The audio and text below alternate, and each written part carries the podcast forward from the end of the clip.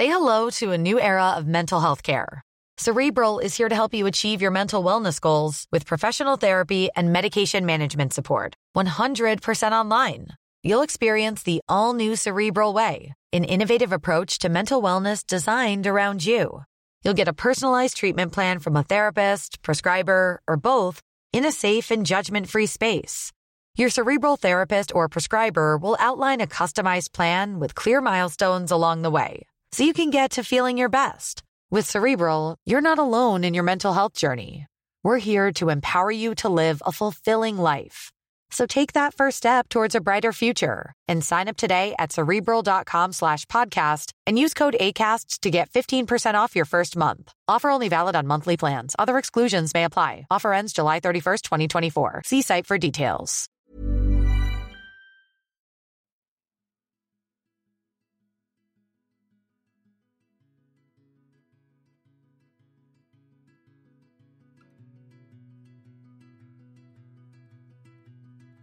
Hej och varmt välkomna till podden Sorgsnack.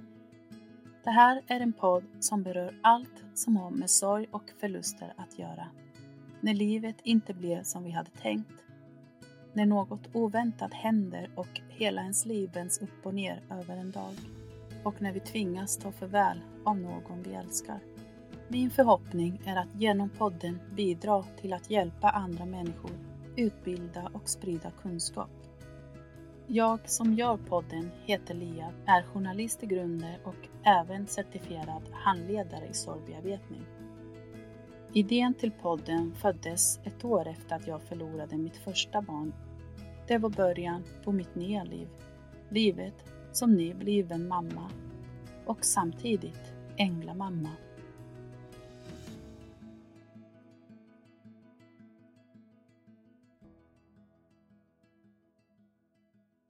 Hej och välkomna till podden Sorgsnack. Och idag har jag med mig Tullin via länk, så jag hoppas att ni har lite förståelse med det.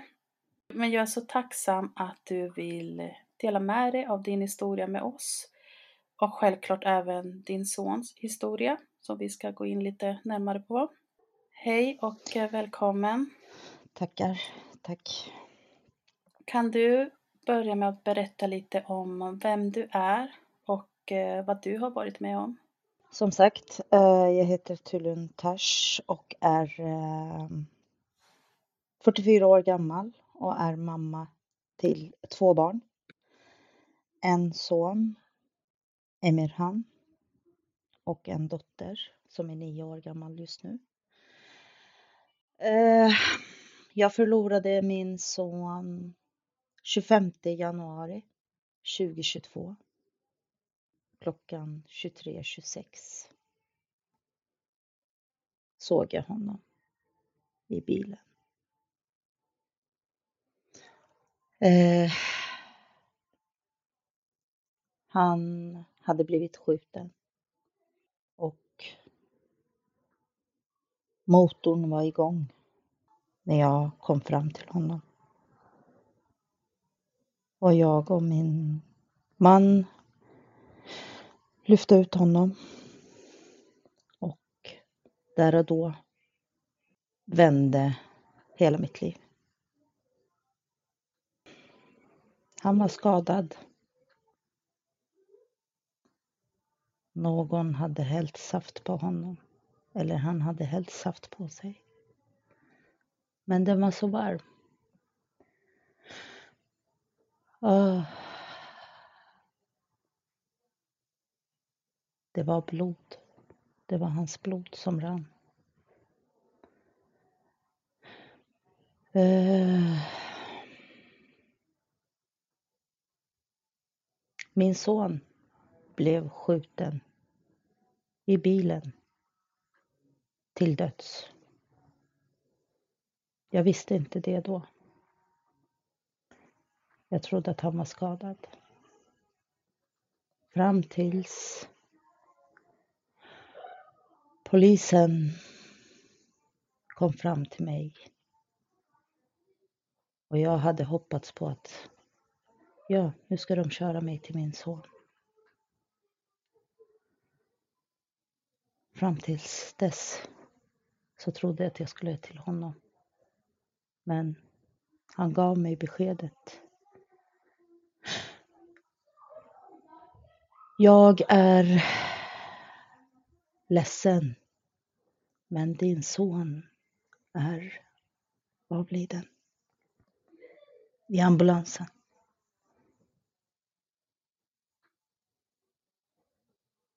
Jag hörde inte. Nej. Inte min Emirhan. Inte min Emirhan. Han är bara 18 år. Han har så mycket kvar. Han var bara skadad. Vad har ni gjort med min son? Han var bara skadad. Du ska ta mig till honom. Det var ingen som körde mig till honom. 25 januari 2022. Klockan 23.26. Hans sista två andetag. Han fick hjärt-lungräddning. Han andades fram tills ambulansen kom. Sen forsade de iväg mig därifrån. Han andades. Det har gått ett år. Men det är inte ett år för mig, Lea. Det är som om det var igår. Vi firade, vi firade, eller vi, vi hade minnesstund.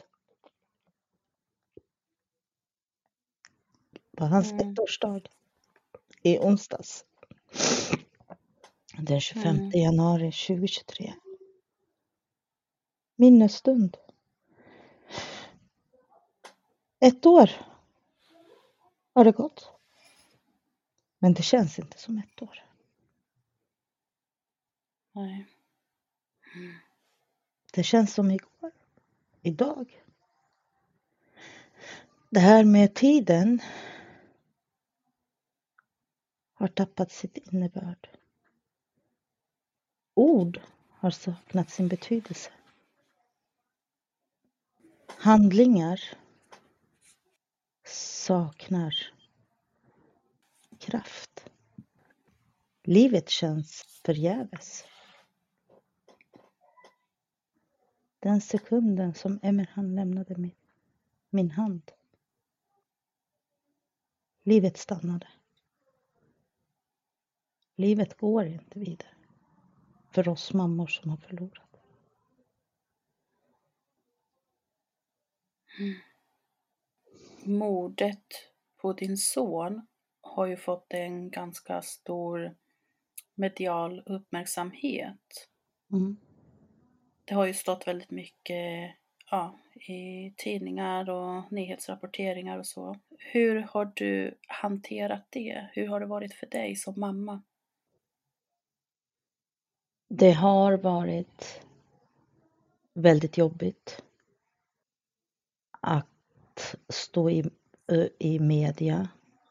Men samtidigt så känner jag att det är min skyldighet som mamma att vara ett språkrör för de flesta mammorna som har förlorat sitt barn i våldet som inte har orken att komma fram. Som inte kanske alla gånger vågar. Som kanske inte har språket. Som kanske kan vara svag. Och jag säger inte att jag är stark, absolut inte. Men jag känner det är min skyldighet för min son. Att upplysa människor på vad som för sig går. Förutom sorgen, förutom allt så vill jag upplysa att våldet dödar inte bara en person. Det är inte en person som dör. Med Emirhan så har hundratals personer dött. Jag står till svars för min dotter. Jag står till svars för mig själv. Jag står till svars för min son. Att sitta och gråta, det gör jag. Men jag vill göra något. Både för min son, för min dotter och för alla sörjande mammor. Så det är min drivkraft. Mm. Emirhan är med mig. Uh, han kommer inte komma tillbaka, jag vet det. Oavsett vad som än händer så kommer inte Emirhan komma tillbaka. Men jag finns ju kvar. Så jag måste göra någonting. Jag kan inte göra allt. Men något kan jag göra. Och det är prata om det. Prata om hur mycket det, det här förstör samhället, förstör familjer. Det är inte en person som dör. Nej, det har du mycket rätt i och det drabbar ju så otroligt många andra runt omkring. Mm. Mm. Du har ju också berättat att um, du själv försöker göra någonting av det här och även få svar på dina frågor och hitta svar Ja. på vad är det egentligen som händer, varför händer det och hur, hur kunde det ske? Hur går det med det arbetet? Hur... Jag söker ständigt efter svar. Oavsett om svaret jag får kommer smärta mig så letar jag efter svar. Vad är det som har hänt? Vilka ligger bakom Emirhans död? Vad har Emirhan gjort? Jag säger så här, jag kanske aldrig kommer acceptera svaret oavsett vad det nu är. Men jag behöver få höra det. Få en förklaring. Även om jag inte accepterar det. Även om jag kommer säga det är inte så här min uppfostran var. Jag kommer aldrig acceptera något dåligt, men jag behöver få höra det. Hittills, hittills så har jag inte hört något negativt om Emirhan. Vilket är bra, men samtidigt så vill jag ju höra något. Så jag letar konstant. Mm. Och jag pratar med många från omgivningen. Och folk pratar. Folk pratar. Men jag måste se vad är prat och vad är sanning. Jag letar varje dag efter ett svar. Vem, vilka och varför. Och jag kommer aldrig ge upp. Tills den dagen rättvisa kommer fram. Tills den dagen han eller de eller hon, hen, kommer fram och säger går in till polisstationen eller vad som helst. Eh, jag pratar med före detta kriminella. Jag pratar med vuxna som har viss omgivning. Jag pratar med, inte bara från där jag kommer ifrån, utan utanför Stockholm, innanför Stockholm. Så jag, jag, jag, jag pratar och jag frågar med folk som jag känner, folk som jag inte känner i tro om att jag kanske kan få höra något. Mm. Jag kanske kan få något ledtråd. Jag kanske kan få mina svar. Jag kommer inte ge upp. Jag kommer inte att ge upp hoppet om att få höra något. Jag har tappat förtroendet för polisen och polisens arbete. Jag förstår att de har gjort allt. Men jag är så besviken på polisutredarna, med all respekt för deras arbete. Jag förstår att det är så många dödsskjutningar. Jag förstår att de inte har resurser. Men tyvärr så måste jag tänka egoistiskt och tänka hur långt har ni kommit med Emirhans fall? Nej, inte mycket. Nu lägger vi ner för det, vi har granskat och granskat och letat och letat. Vi hittar ingenting. Nu är vi klara med vår utredning. Så vi lägger den på vilande. Så de har lagt ner det för tillfället? De har lagt ner det. Jag vet att de har gjort jättemycket. Men det jag inte kan acceptera och där min besvikna sida kommer till är att de här personerna, allt som sker, alla skjutningar som sker, om man hade velat, om polisen hade velat, så hade de hittat det samma dag. Är det något speciellt som får dig att uh, känna så? Att om de hade velat så hade de kunnat hitta det samma dag som det hände? De här personerna kan inte vara så organiserade att de inte lämnar något ledtråd bakom sig. Så med andra ord, det borde inte vara så svårt. Och eh, känner du att eh, när du har försökt prata med andra så, att du har kommit något närmare sanningen? Eller kunna hitta någon ledtråd eller någonting som kan hjälpa dig på traven?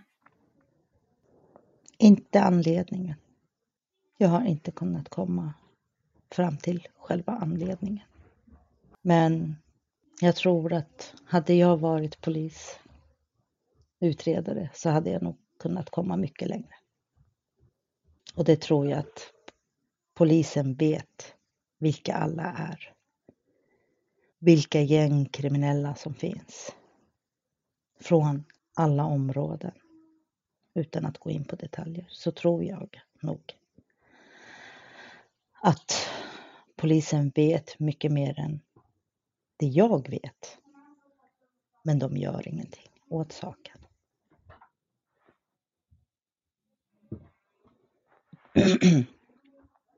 Så.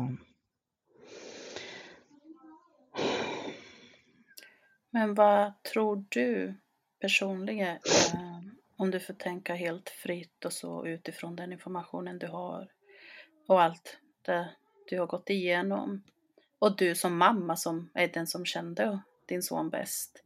Vad tror du att det hände?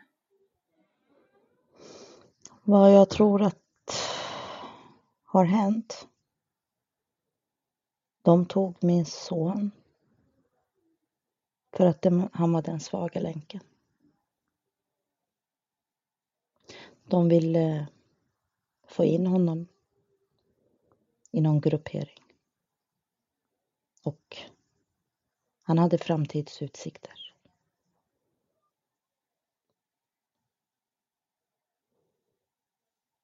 Så egentligen var det för att han var mm. en stark individ och hade en framtid och visioner och mål och drömmar. Mm. Och ville något mer av livet helt enkelt. Mm.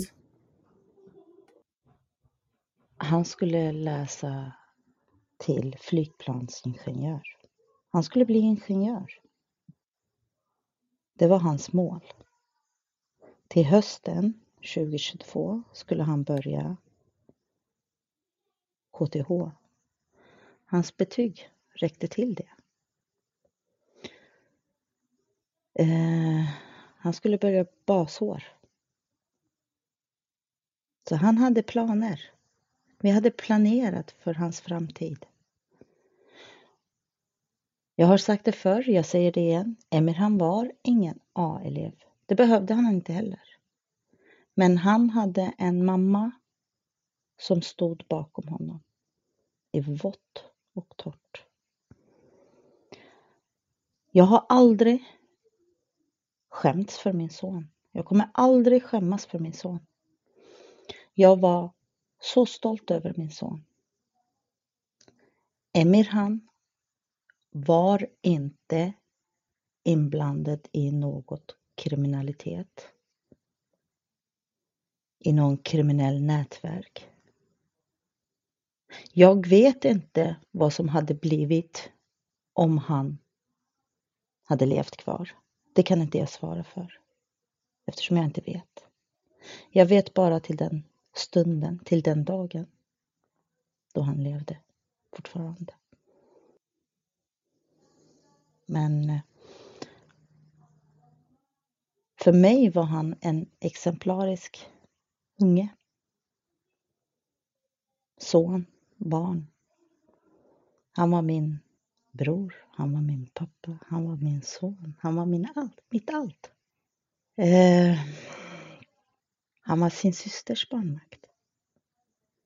Och hur var han som storebror? Mm. Han var väldigt rädd om Asmin, min dotter. Varje kväll så brukade han, om jag somnade innan honom, då brukade han gå in till henne varje kväll. För min dotter hon tycker inte om täcke så hon, han brukade täcka över henne. De har aldrig tjafsat med varandra. De har aldrig bråkat. Om jag var arg på min på dottern så brukade han skrika på mig och säga skrik inte på henne. Han var väldigt överbeskyddande och innan han fick körkortet så sa han men nästa termin, alltså hösten 2022, då flyttar vi hennes skola till en annan skola till, i en annan ort så att hon kommer bort från den här förorts, förorten. Han fick inte chansen till det. Jag sa till honom, men hur ska det gå? Jag jobbar i stan. Hämta och lämna. Nej, men jag, jag kommer köra henne och så kommer jag hämta henne. Inga problem. Jag kommer ju ha körkort till dess. Så. Och han fick sitt körkort tre månader innan händelsen.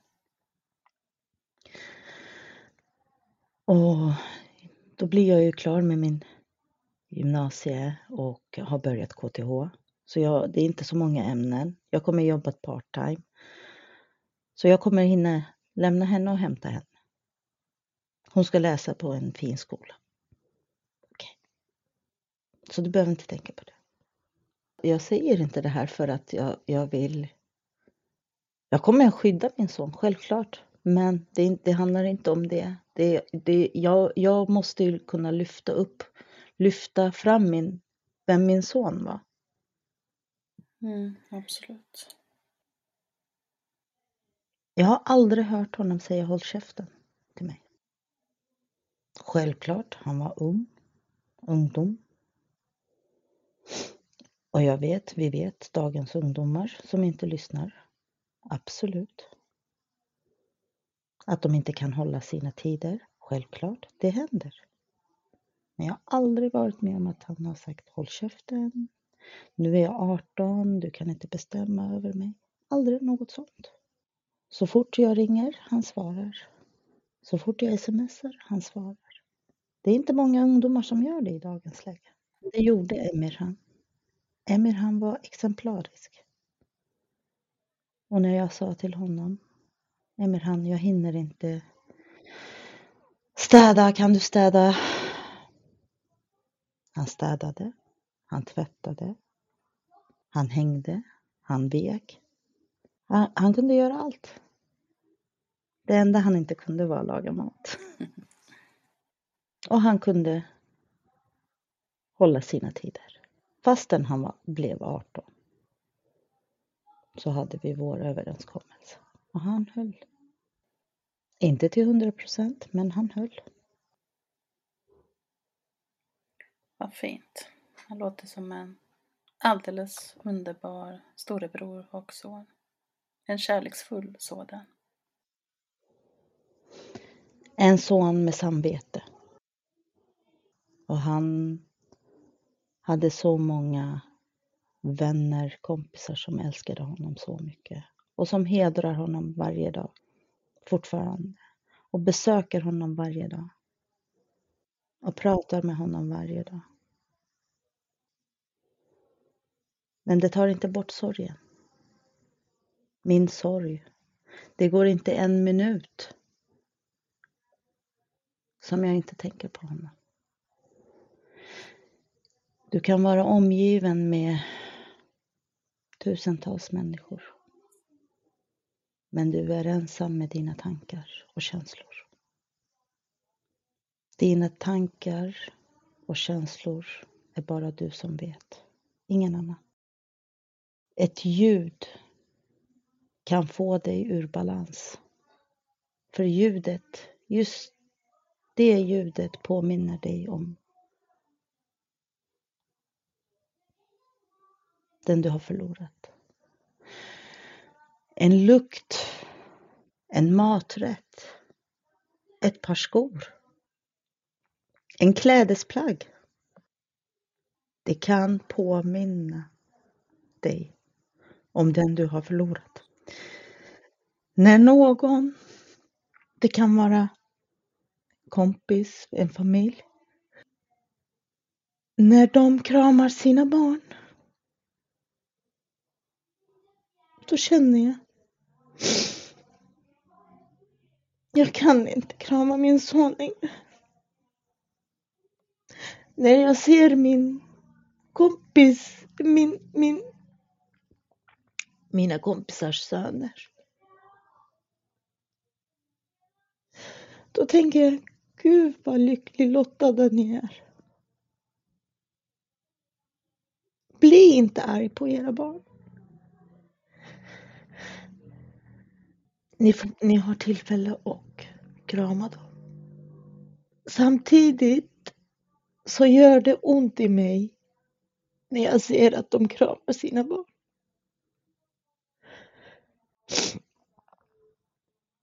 Och det är en hemsk känsla att känna så. Avundsjuka, svartsjuka, kalla vad du vill. Det är inte det att jag inte är glad för deras skull. Det handlar inte om det. Men det handlar om min, min förlust. Mm. Jag får inte tillfälle till det Nej. längre. Nej. Men det är, det är fullt normalt att känna så. Det är många som gör det. Och eh, det ska man ju självklart tillåta sig själv att, att känna för att det är ju ja, det är så onaturlig situation egentligen som man befinner sig i och det man har gått igenom. Eh, Mm. Och att förlora ett barn, ja, det är det värsta man kan vara med om. Alla känslor är självklart naturliga och normala i den onormala situationen man befinner sig i. Mm. Och man har alltid rätt att känna precis som man vill, som man gör. Apropå att eh, känna och känslor och eh, andra i ens närhet. Hur har omgivningen, eh, de i din närmaste krets, reagerat och vilken, ja, vilket stöd har du fått?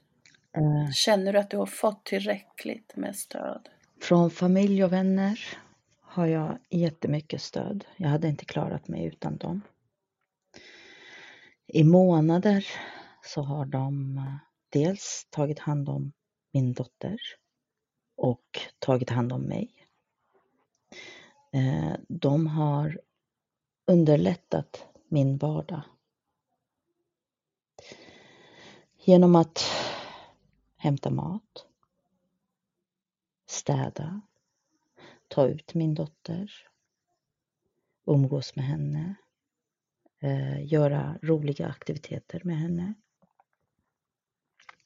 och minnas Emirhan. Emirhans första födelsedag utan honom. Emirhans första stora helg. Emirhans första, ja, på studentdagen. När hans syster tog studenten. Första nioåriga i Sveriges historia kanske. Som tog studenten. Ja, det kommer jag Ja. ihåg att jag läste och såg på nyheterna. Mm. Mm. Hon var med i utspringet, tog emot betyget Fint att hon fick göra det. och hyllades. Det var så viktigt Eh, när gravstenen sattes var mina nära och kära med mig, vänner och familj. Så i ett års tid har jag aldrig varit själv, ensam. Utan jag har alltid haft folk runt omkring mig. Och fått nya personer, människor runt Mm. i min sfär. Som numera betyder väldigt, väldigt, Mm. väldigt mycket för mig. Men om man tänker ur eh, det statliga perspektivet. Vad har Sverige gjort för mig? Då kan jag säga ingenting. Ja, Jag tänker på sjukvården och så direkt i anslutning när det här hände. nej, Hur blev ni mottagna? Fick ni någon krishjälp Nej. på plats? och Eller det är en av de bristerna som jag har upplevt att oj, tänk om jag hade varit alldeles själv utan nära och kära familj. Hur hade jag klarat mig då? För du är själv om att söka sjukvård.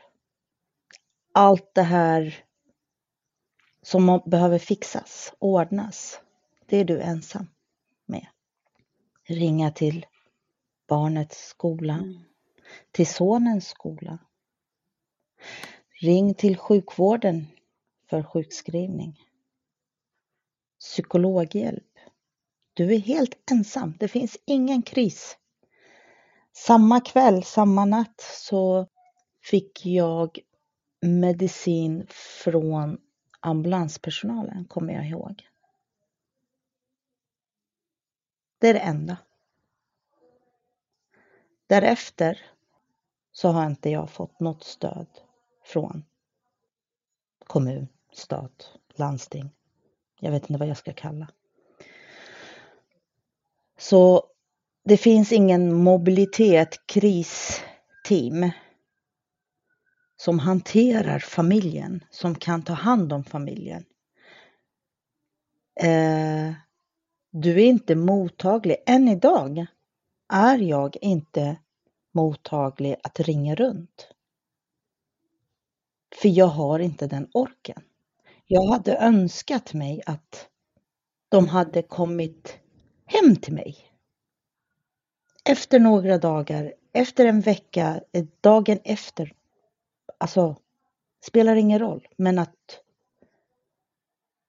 en person ur ett kristeam borde ha kommit och organiserat vår familj. Hjälpt, stöttat. Informerat vad vi behöver tänka på, vad vi behöver göra. Mm. Jag fick ta hand om allting själv. Jag som Emir hans mamma. Som hans vårdnadshavare. Fick ta hand om allt själv. Så det, det känner jag har varit ett jätte, eller det är ett jättemisslyckande från Sverige. Att inte ta hand om familjerna som blir kvar. Så då tänker jag mig så här. Vi kan vända på det. Anses vi också som döda då? För vi säger att vi dör. När en dör så dör vi också. Det är kanske den omvänd psykologi. Staten kanske tänkte, vi har ju också dött. Då behöver inte vi hjälp. Men vi, vi andas ju fortfarande. För Försäkringskassan vill ju att man ska gå tillbaka till jobbet en dag. Eller kräver sjukintyg. Mm. Ja, hur är det för dig idag? Är du Jag- sjukskriven? Eh, jag är både sjukskriven och eh, jobbar. Så jag är deltidssjukskriven och jobbar deltid. Och det funkar för mig för jag jobbar hemifrån vilket underlättar. Eh, för jag tycker det är lite läskigt fortfarande att resa kommunalt. Det är för mycket människor. Jag, blir, jag har svårt att fokusera. Jag har svårt med koncentrationen. Så det fungerar för mig att jobba hemma. Då arbetar jag efter mitt schema om man säger så. Eh, jag jobbar som projektledare. Eh, så jag styr ganska mycket själv där. Och min arbetsgivare har varit underbar under hela den här perioden och har full förståelse. Eh, vissa dagar, det är som jag sa, att en lukt kan ju förstöra hela din dag. Då räcker det med att jag meddelar min chef att jag kan tyvärr inte jobba idag. Och det är okej. Vad fint eller värdefullt att kunna ha en sån arbetsgivare ja, som verkligen absolut. förstår och där man har mm. möjlighet att styra sitt arbete själv. Mm. Ja, jag förstår det. Ja, jag måste fortsätta att vara mamma också. För min dotters skull. Mm, just det. Fastän jag vill, jag vill bara ligga och vänta in min död så går det inte. Vi har en som är beroende av mig också. Eh, så jag måste ta hand om henne. Och försöka göra det lilla jag kan. Det är inte mycket jag kan, men det lilla jag kan. Hur har det varit för henne i allt det här? Har hon kunnat någonstans ändå förstå vad som hände? Vi har sökt hjälp via skolan och utanför skolan också. För jag kände att hon pratade inte så mycket om, om det. Hon frågade inte så mycket om det. Och då fick vi till svars att hon är ju ett barn och kan inte sätta kanske orden riktigt ännu. Det kan komma mycket senare. Eller så har hon accepterat. Men det kan likväl komma. Just nu mår hon bra, men hon pratar inte så mycket om, för hon kan inte sätta orden. Hon vet var hennes bror är. Hon låter mig inte åka själv, utan hon ska vara med mig varenda gång jag åker till Emirhan. Så ska hon följa med. Om jag någon gång åker själv, då blir hon väldigt sur och säger det är inte bara din Emir, han är min bror också. Eh, så för henne räcker det att vi åker till henne och hon behöver inte prata utan hon står där hos honom och ber för honom. Så kommer vi hem. Och är det för kallt då säger hon mamma kan jag få gå in i bilen? Medans jag kan tycka men Ska du inte prata med honom lite? Berätta vad du har gjort idag. Nej, men jag pratar med honom här inne, mitt huvud. Och vart ligger Emirhan begraven? Emirhans gravplats ligger i Sankt Botvids eh, begravningsplats. Flottsbro med andra ord. Muslimska sidan. Och du nämnde ju lite tidigare här i podden att eh, nu har det ju gått exakt ganska precis ett mm. år. Ett år och fyra dagar när vi spelar in det här avsnittet. Ja. Idag den 29 januari. Hur var det att ta sig igenom första årsdagen? Det började kännas väldigt jobbigt redan ett par veckor innan två veckor innan, tre veckor innan. Jag har ju tappat det här med tid, tidsuppfattningen. Um, och varje tisdag för mig är väldigt jobbig. Tisdagskvällar. Oavsett vilket datum det är så är varje tisdag en väldigt jobbig dag. Generellt. Och i år, hans första år, blev ju en onsdag. Jag tror inte att jag sov. Jag har inte nog sovit på flera dagar. Det är nu, igår och idag som jag har kunnat sova. Så jag har inte sovit på en hel vecka. Eh, jag går och lägger mig, men jag vaknar efter en timme, springer ner och väntar på att Emirhan ska komma. Jag går ut, röker, kommer in, sitter lite, går upp och försöker sova igen. Så har det varit sen, ah, fram till onsdagen. Väldigt jobbigt. På onsdagen så visste jag inte hur många som skulle komma. Eller vilka som skulle komma också. Så dagen innan, vi förberedde lite mat med kompisar. Lite, lite snacks och lite gott. Så vi vaknade, gjorde oss i ordning. Vid klockan tolv så började hans kompisar och föräldrar komma hem till oss. Och det var så himla fint. Och dagen innan så hade en kompis åkt och hämtat upp Emirhans stenar och skulle tvätta dem. Och hon gjorde en jättekrans till honom så att ja, den var jättefin. Eh, som hon ägnade flera timmar åt att göra faktiskt. Hon gjorde det för hand. Så på onsdagen klockan 12 började dörren öppnas och då kom det en efter en. Hans kompisar, föräldrar, min familj. Och vi åkte gemensamt till Emirhan halv två. Och det var väldigt laddat. Det var väldigt jobbigt. Fastän jag åker till Emirhan nästan varje dag. Så var det jobbigt. Så var vi där, kom hem till oss därefter. Och så var vi hemma hos oss till klockan halv två på natten. Den sista personen gick halv två.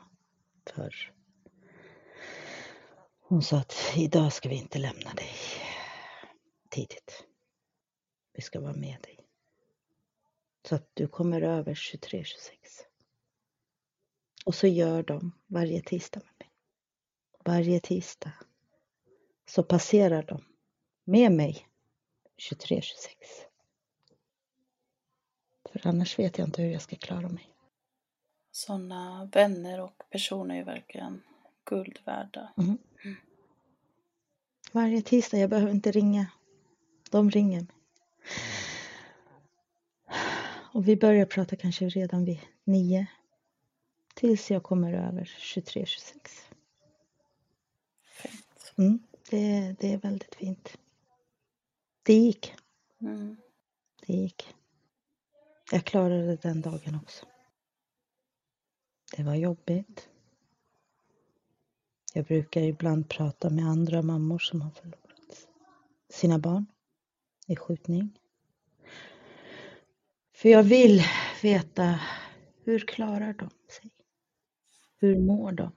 För jag tycker det är väldigt viktigt att vi, vi pratar om det.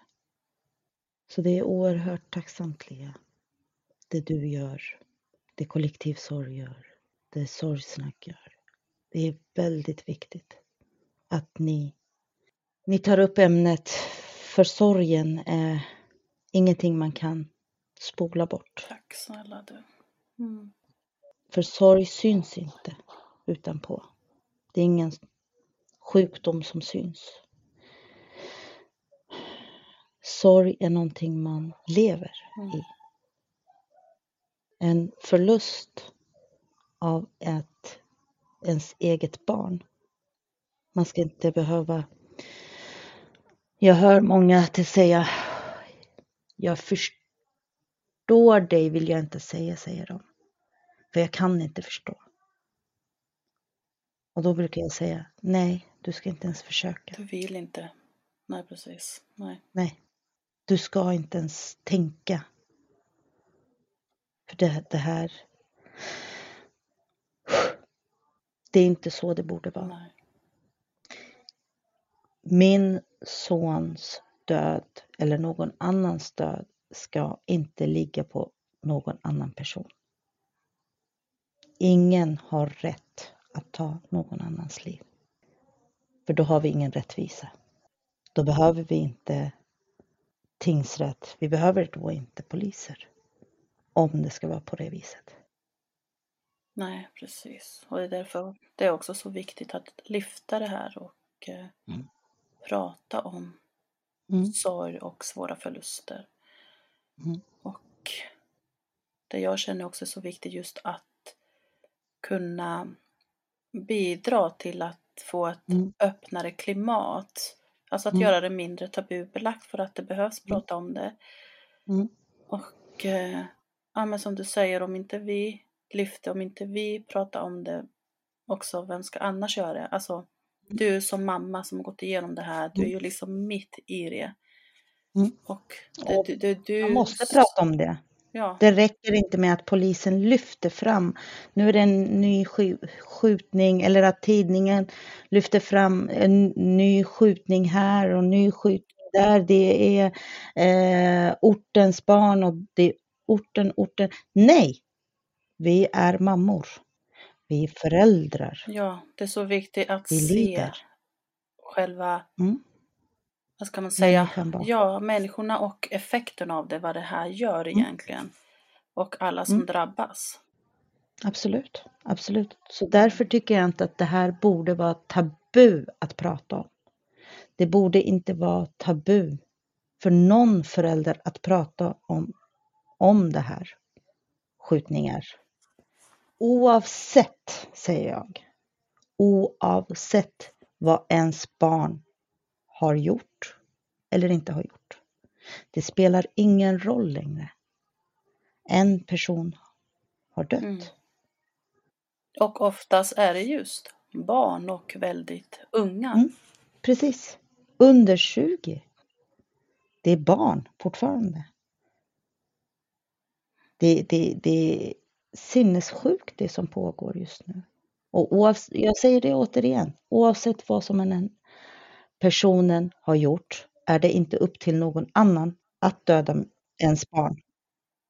Om inte jag kan ta rättvisan i mina händer, då ska ingen annan få göra det.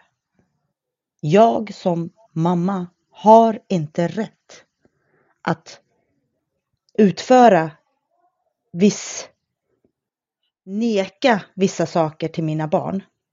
Då har ingen annan rätt heller att röra mina barn. Finns det någonting som du i övrigt än det vi har varit inne på så känner att du hade önskat att eh, samhället eller övriga allmänheten eller de runt omkring dig förstod bättre gällande din sorg och det du går igenom? Först och främst så tackar jag dig och Sorgkonsulting för att du har gett mig tillfälle att prata och gett mig tillfälle att prata om min son. Det uppskattar jag jättemycket, så tack.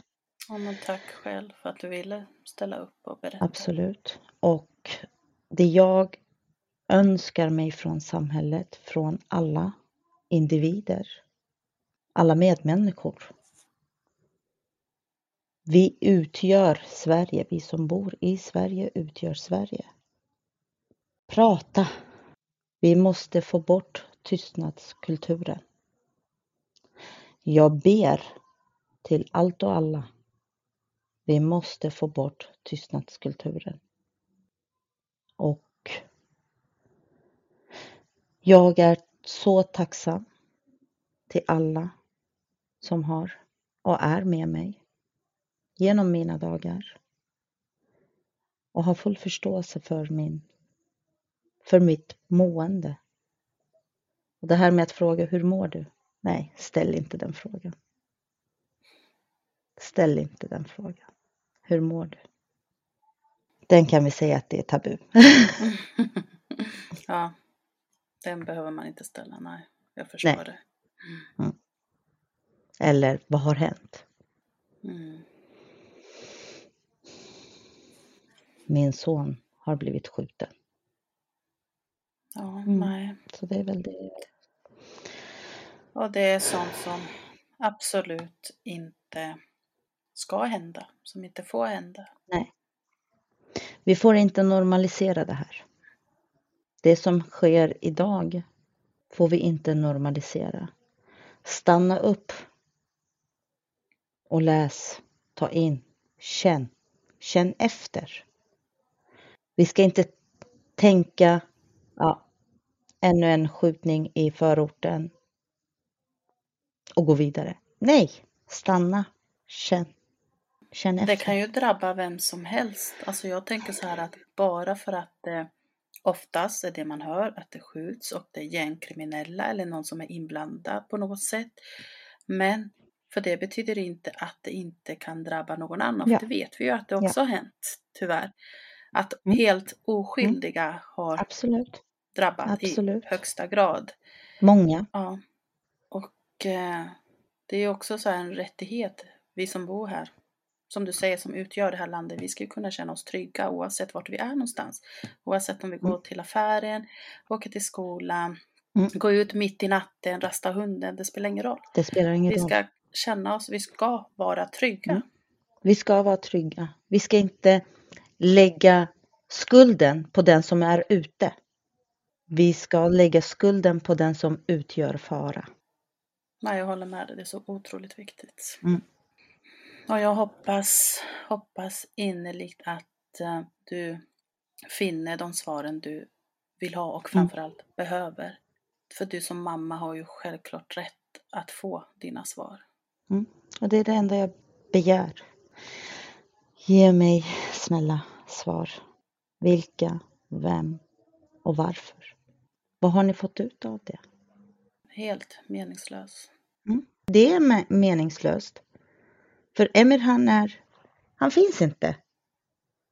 Vad har ni åstadkommit egentligen? Mer än att ni har gett mig och hans nära och kära lidelse. Var eran tanke att ge honom lidelse? Nej, han är ju fri. Han är så fri som han kan bli. Det är jag och hans efterlevande som lider just nu. Så vad har ni åstadkommit? Vad har ni fått ut av det? Var det värt?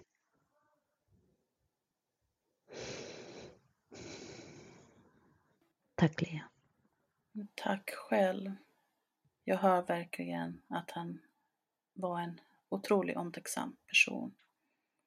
Och, Det var han. och han är ju och kommer alltid att vara din son. Mm. Jag vet att när man har förlorat ett barn så slutar man slutar ju aldrig vara mamma till det här barnet. Så för mig känns det ändå rätt och fint att säga att han är. Han är min son och kommer alltid vara min Ja, son. precis. Och jag är mamma till två barn precis. oavsett vad som än händer. Tack ska du ha och eh, tusen tack till er som har lyssnat på det här avsnittet. Ha det fint och eh, vi hörs snart igen. Hej